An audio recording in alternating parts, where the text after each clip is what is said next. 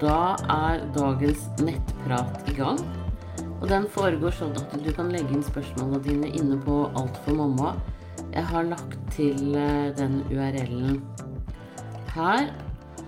Eh, og så svarer jeg fortløpende eh, på alle spørsmålene som, som ligger ute. Og det tar vel rundt en times tid, tenker jeg, før jeg er ferdig. Og grunnregelen som jeg har skrevet, er at det er ingen spørsmål som er for dumme til å stilles. Noen ganger så hender det at spørsmålene er så vanskelig at jeg må ut og google det selv på medisinske sider og sånn. Men det er ingen hindring. Da begynner jeg. Og så er det gravid første gang. Hei, jeg har tre katter og er oppvokst med katt. Har sjekket meg for toksoplasmose hos fastlegen og var positiv. Jeg er gravid i uke 6 pluss nå, 5 pluss 3 og blir urolig for om de kan skille mellom når jeg fikk toksoplasmose. Kan de vite om jeg er nylig smittet, eller om det er lenge siden? Og i så fall har jeg antistoffer.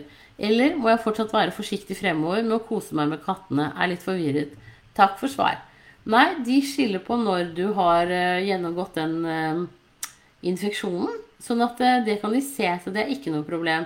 Så enn så lenge, og egentlig alltid, så kan du bare kose med kattene dine. Det er ikke noe problem. Pass på at du vasker hendene før du lager mat og, og sånne ting, selvfølgelig. Men det gjør du sikkert uansett. Så det tenker jeg er helt innafor og ikke noe problem. Og så er det kjempefordel for ungen at du har katt, fordi at da blir faren for allergi er mye lavere. Så, så det er supert. Da ønsker jeg deg riktig lykke til videre, og tusen takk for at du følger med her. Ha det bra! Og så er det Redd som sier Jeg er fem pluss fire uh, Og siden tre uker på vei har jeg hatt menssmerter i magen og ryggen hele tiden. Det er da tre Dette er da tredje uken, tror jeg det står. Og hadde ikke, hadde ikke det på de to andre, er åtte år på siden år siden på sistemann, og merker jeg er så redd det kan bli spontan, siden jeg har så mye menssmerter i magen og ryggen. Er det normalt å ha det så lenge? Nei, det var kanskje litt mer enn Så jeg syns du skal ta en tur til fastlegen din og så få sjekket urinen din om du kan ha en urinveisinfeksjon, rett og slett. Eh, så det tenker jeg det, det, kan være lurt for deg. Så Og da kan du også snakke om, om hvordan du har det. Men, uh, men jeg, jeg syns det var liksom mer Jeg tror ikke det er en spontanabort, men jeg tenker at det kanskje er en urinveisinfeksjon. Da ønsker jeg deg riktig lykke til videre, og tusen takk for at uh, du følger meg her. Da er det Tiril som sier uh, Takk for alle svarene de tidligere lørdagene. Jeg har nå fått innvilget keisersnitt, men jeg gruer meg til det også. Pga. kateterinnleggingen og det at de skal kle på meg bleie og truse etterpå. Har ikke fått så mye mer info enn dette ennå, så du må gjerne fortelle meg om alt som foregår. Jeg har spurt om å få ha minst mulig folk til stede under kateterinnleggingen, men det virket vanskelig. Ja, når de legger inn kateter, så gjør de det etter at du har fått bedøvelse. Eh, for å gjøre at det er, eh, er eh, mindre vondt for deg. Og det gjør jo på en måte at da er du inne på operasjonsstuen, du ligger klar. Eh, og da er det leger og, og anestesisykepleiere og, og, folk til stede. Men de ser ingenting. Eh, for det er bare den som setter inn kateteret, som titter for å finne urinrøret ditt. Så du behøver ikke være noe blyg for det i det hele tatt. Det går bra. Eh, og det at du må gå med, med bleie og truse etterpå, det er jo pga. blødningene etter keisersnittet. Så, og, og en fødsel. Så det er noe alle gjør. Så det tenker jeg eh, at det går helt fint. Hvis det er sånn at de velger å legge inn kateteret før du blir bedøvet, så er det veldig få til stede, tror jeg da, uten at jeg kan for mye om det. For det tror jeg vil variere litt fra sted til sted. Um, så hvis de gjør det før du får eh, epidural eller spinal, så har de på en sånn bedøvelsesgelé på kateteret når de setter inn men litt ubehag vil det alltid være, og også etterpå. Men, men, det er jo flott at du har fått eh, innvilget keisersnitt, da. Um, så nå ligger det jo ofte ute på, sånn som på Ullevål og sånn, mener jeg, eh, noe som heter Keisersnittskolen. Så da kan du gå og se på eh, YouTube eh, hvordan de gjør det på de Jeg tror det er flere sykehus som har dette liggende ute. Så du kan se på ditt sykehus under føden om de har noe, eller så kan du gå på YouTube og se på keisersnitt på hvordan det sånn generelt sett eh, gjøres. Og så ligger det også en artikkel på Alt for mamma om keisersnitt. Jeg skal se om jeg finner den etterpå. Men da ønsker jeg deg riktig, riktig lykke til videre, og tusen takk for at du følger med her. Ha det bra! Og så er det IVF som sier Hei, jeg har et friskt barn og fire spontanaborter, er nå gravid i uke 13, og det ser lovende ut. Vi vil gjerne ha flere barn etter dette, og jeg vurderer å dra til utlandet for å få IVF, hvor de sjekker at embryoet er friskt før de setter det inn. Dette er dyrt, selvfølgelig, men jeg blir så sliten både fysisk og psykisk av å miste hele tiden. Mest sannsynlig er det av genetiske årsaker, selv om vi begge er helt friske. Tror du dette kan være en løsning for meg? Se gjerne bort ifra at det er dyrt, det ordner vi. Vet du hva suksessraten er for slik behandling? Jeg har jo ikke problem med å bli gravid. Alle har sittet på første forsøk. De har bare feilet litt senere, rundt uke syv. Ha en fin dag. Ja. Eh, da har du jo kommet over den uke syv-abortfaren nå, da. Og så tenker jeg at eh, det norske helsevesenet bør kunne hjelpe deg med det eh, at du At du får implantert et friskt foster neste gang. For det er jo klart at det er, det er jo kjempepåkjenning, det som du snakker om nå. Og nå vil jo Erna at vi skal lage flere barn. Så da tenker jeg, vet du hva, da må det norske helsevesenet by på det de kan. Så eh, i hvert fall at de dekker det. Og jeg vet at i forhold til fragilt X og en del sånne eh, syndromer, så har man blitt sendt til Tyskland for å gjøre dette, fordi at det der er de gode på det. Men det kan hende at de begynner å bli gode på det her hjemme også. Så øh, fød nå dette barnet du er gravid med nå, og så ser du hvordan det ligger an i forhold til eventuelt om dere skal ha flere barn. Eh, to barn er jo også en nevefull, kan vi si. så, så, jeg tenker at det Det Altså suksessraten på den behandlingen, det er det samme som vanlig IVF. Så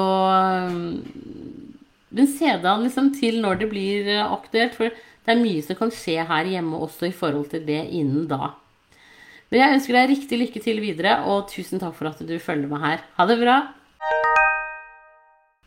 Og så er det nervøs og spent som sier heia og takk for fantastisk side. Tusen takk. Vi er tidlig ute og har bestilt ultralyd når vi er 6 pluss 2. Hva kan vi forvente å se, høre, oppdage IVF? Eh, nei, jeg ville jo venta til den I en IVF-behandling så inngår det jo eh, ultralyder for å se at alt er bra. Så jeg tenker at 6 pluss 2 det er for tidlig å gjøre en ultralyd, for da får dere ikke se hjertet slå eller noen ting. Så den ultralyden sier egentlig ganske lite. Eh, så jeg ville heller hørt med det stedet hvor dere går, om ikke de skal gjøre en ultralyd hos dere rundt uke sju. Um, men seks pluss to er for tidlig. Eh, da har antageligvis ikke hjertet begynt å slå ennå. Så eh, den timen ville jeg i hvert fall utsatt med en uke, og så ville jeg sjekka med Eh, der hvor dere har fått IVF, om ikke de kan også tilby dere en ultralyd. Um, og så tidlig så ser man egentlig bare hjertet. Man ser faktisk ikke så fryktelig mye mer. Men da Det er bare sånn det er. det er mer sånn ultralyd rundt uke tolv som liksom, da begynner å bli litt mer interessant. Da ønsker jeg deg riktig lykke til videre, og tusen takk for at dere følger meg her. Ha det bra!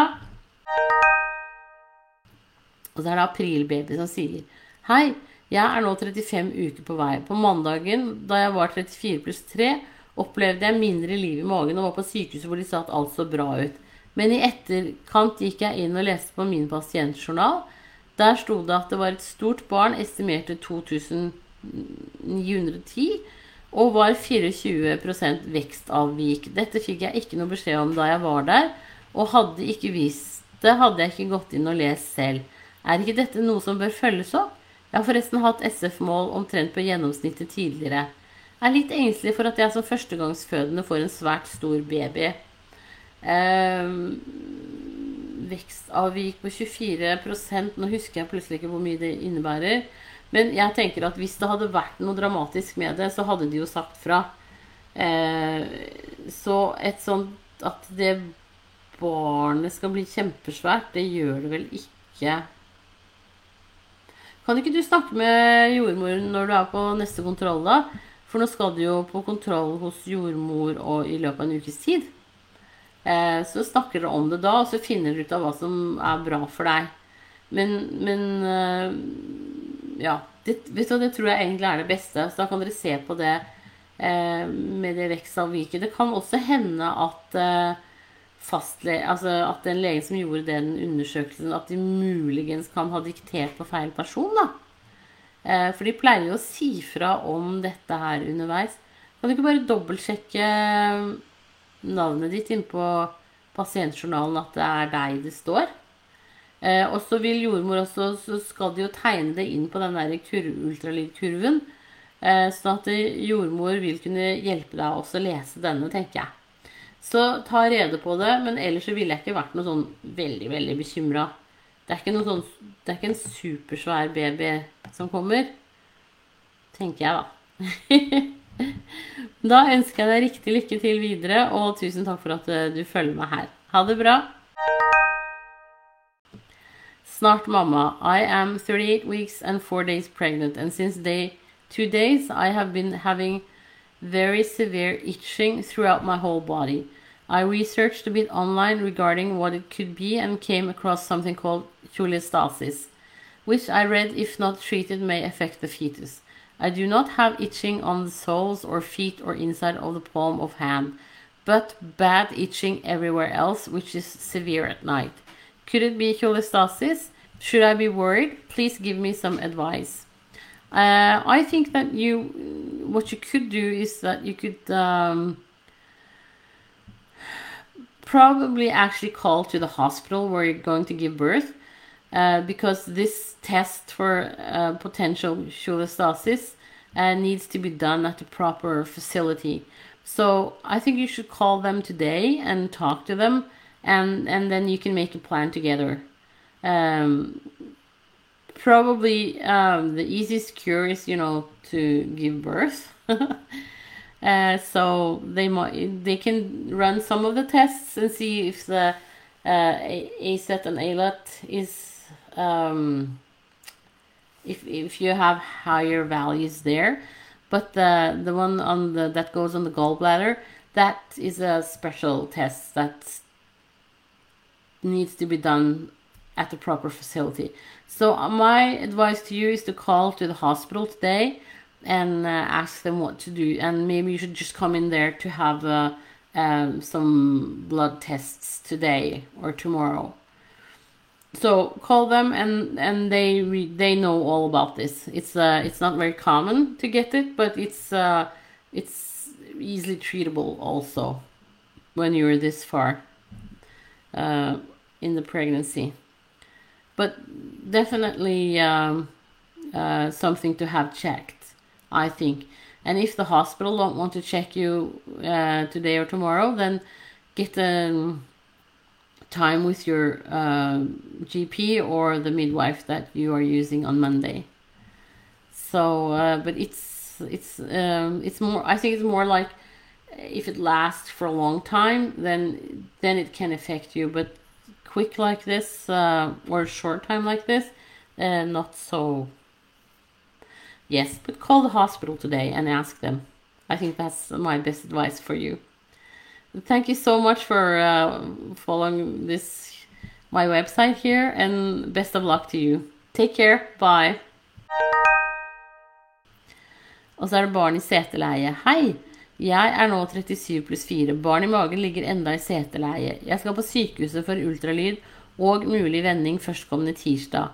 Hvis vending ikke går, fikk jeg beskjed av min jordmor om at det var opp til meg om jeg ville prøve setefødsel eller keisersnitt. Kan du fortelle litt om hvordan vending fungerer, og hvor ofte det faktisk går? Jeg lurer også på masse om keisersnitt og setefødsel. Kan du fortelle litt om fordeler og ulemper med begge deler? Hvordan henter kroppen seg inn typisk bekkenplager. Magen trekker seg sammen, renselse og amming etter keisersnitt.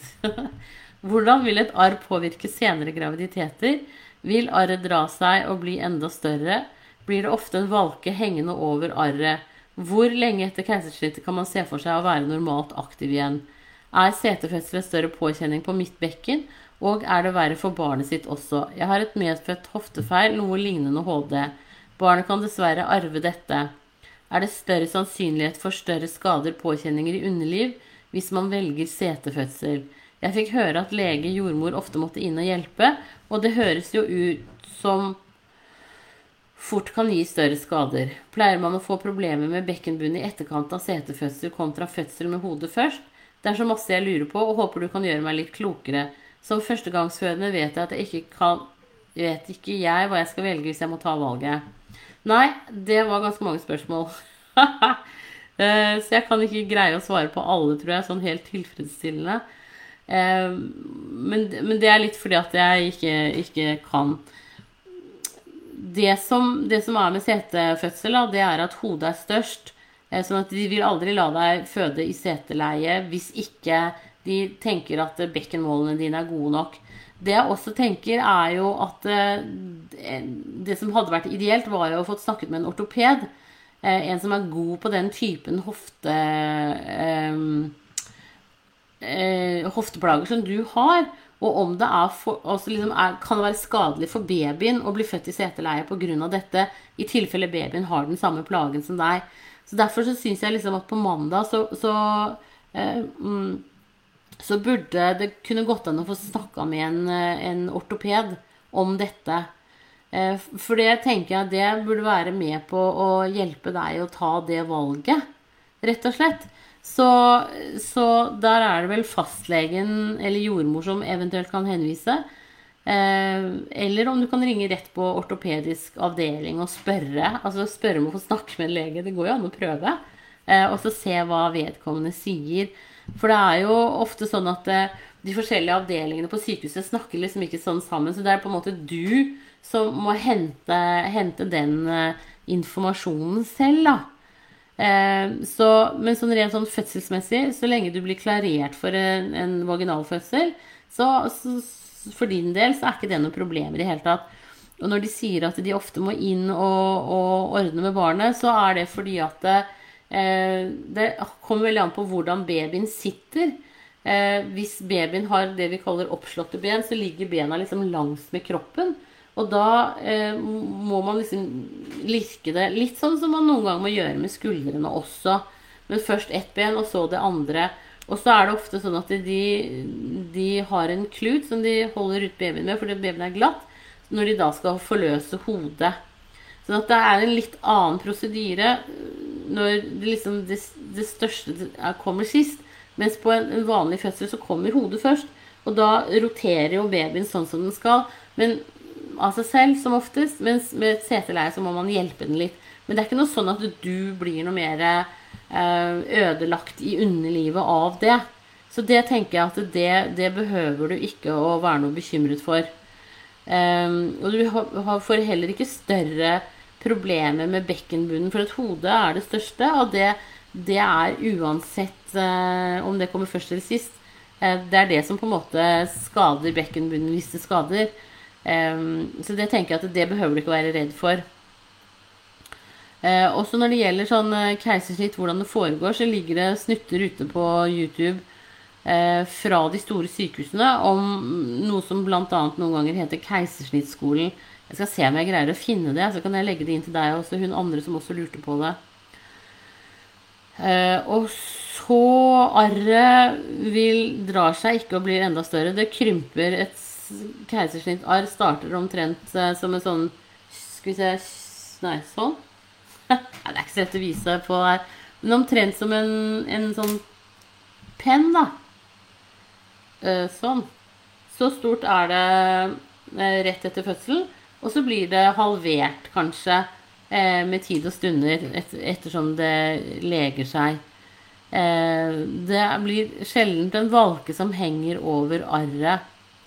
Også rundt tolv uker. Det er jo for så vidt det samme som etter en vanlig fødsel så vil du kunne være normalt aktiv igjen eh, etter et keisersnitt. Eh, men med keisersnitt så er det restriksjoner på det å gjøre styrkeøvelser og maveøvelser de første særlig seks ukene. Men så må man se på en måte hvordan du er i form, da. Men det å gå tur og sånn, alltid helt innafor. Det kan du alltid gjøre. Så jeg tenker jo på en måte at hvis du blir klarert, og babyen blir klarert for vaginalfødsel, så er det alltid det beste.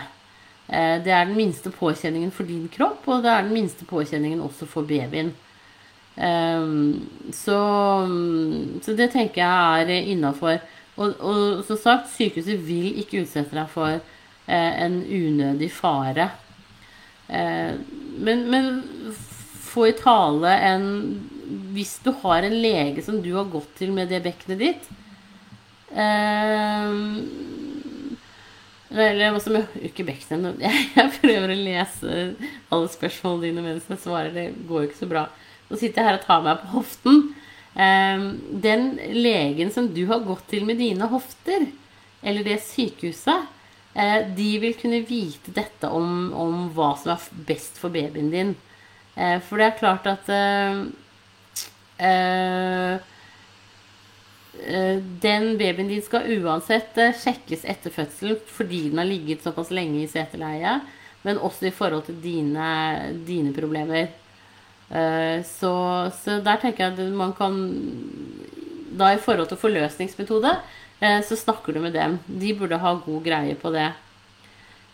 Så jeg tenker at det vil hjelpe deg også i å gjøre det valget, da. Rett og slett. Men det er jo ikke lett å velge. Eh, men jeg er som sagt av den oppfatningen at så lenge liksom man blir klarert for en vaginal fødsel, så er det det som er en fornuftig ting å gjøre. Eh, og du blir definitivt ikke mer ødelagt i underlivet av en eh, setefødsel enn av en vaginal fødsel. rett og slett. Og selv med keisersnitt så blir man jo påvirket, selv om man ikke blir påvirket akkurat i skjedeinngangen, så, så er det jo um, Blir man jo påvirket av det å, å eh, ha vært gravid og hele pakka. Så bekkenet ditt vil alltid være utvidet og en del sånne ting. Men da ønsker jeg Skal vi se øh, Og renselse og amming og sånn, alt det er det samme eh, med keisersnitt som med vaginalfødsel. Um, og det skal heller ikke påvirke senere graviditeter at du har vært igjennom et keisersnitt, hvis det skulle bli det. Um, ja. Man ser vel en Men det er liksom veldig sånn verstefallstenkning. Men det er en fordi at det flere gjør, får keisersnitt, så er det en oppblomstring av at man ved senere graviditeter får en morkake som legger seg oppå det selve det arret, da. Eh, og da kan du få noe som heter eh, placenta creta. Dvs. Si at morkaken vokser gjennom livmorveggen. Det er noe man vil kunne se på ultralyd. Sånn at, eh, at, hvis det skulle skje, så vil det bli keisersnitt neste gang eventuelt. Og Unnskyld. Man tar høyde for det. Men det er, ikke, det er ikke veldig vanlig at det skjer, men det kan skje ved en ny graviditet, dessverre. Um, men det er Ja. Men jeg ville liksom ikke la det påvirke valget eh, om keisersnitt eller vaginalfødsel. Um, det gjør jeg ikke. Og så er det klart at nå skal de vektestimere barna også. Hvis det er stort, så, så blir det keisersnitt. Um, eller hvis du har et veldig lite bekken, så blir det keisersnitt også. Så her er det så mange variabler. Så det jeg syns du skal gjøre, er at du, du, skriver ned alle spørsmålene dine, og så tar du det med til den samtalen du skal ha med gynekolog-obstetriker eh, på forløsningsmetode. Og så, og så, passer du på å få stilt alle de spørsmålene. Rett og slett. Og det er kjempelurt å skrive det ned og så rett og slett liksom bare sjekke av for hvert spørsmål. Men konsentrer deg da om, om selve inngrepet og de tingene der. Amming og sånn, det kan ikke de noe om. Men da ønsker jeg deg riktig lykke til videre, og tusen takk for at du følger meg her. Ha det bra! Og så er det samleie som sier for vondt etter sex blir sånn øm, men ikke blødning eller noe. Er seks uker på vei. Er det farlig? Nei, det er ikke farlig. Men grunnen til at du antageligvis blir litt øm og sånn, det er fordi at eh, du er allerede mye mer hoven i skjeden, og det er trangere plass. Og en del også har eh, dårligere smøring sånn. Da kan det hende at det kan være greit å bruke en, et glidemiddel. Og det får du kjøpt på nettet fra Eller du kan gå på apoteket og kjøpe det. Eller så har jo Kondomeriet og en del av disse nettsidene De eh, har også glidemiddel. Så det kan du prøve. Eh, og da eh, velg de det står du kan bruke når du er gravid. Eh, rett og slett. Nå, og nå husker jeg plutselig ikke hvilke det er man Ja. Men det har litt med sånn irritasjonsmomenter å gjøre og sånne ting. Men, men det står på, på, disse nettsidene med god informasjon. Da ønsker jeg deg riktig lykke til videre, og tusen takk for at du følger meg her. Ha det bra! Da var det dagens siste spørsmål, så da avslutter jeg den nettpraten her nå. Og så ses vi igjen på neste lørdag, tenker jeg. Ha det bra!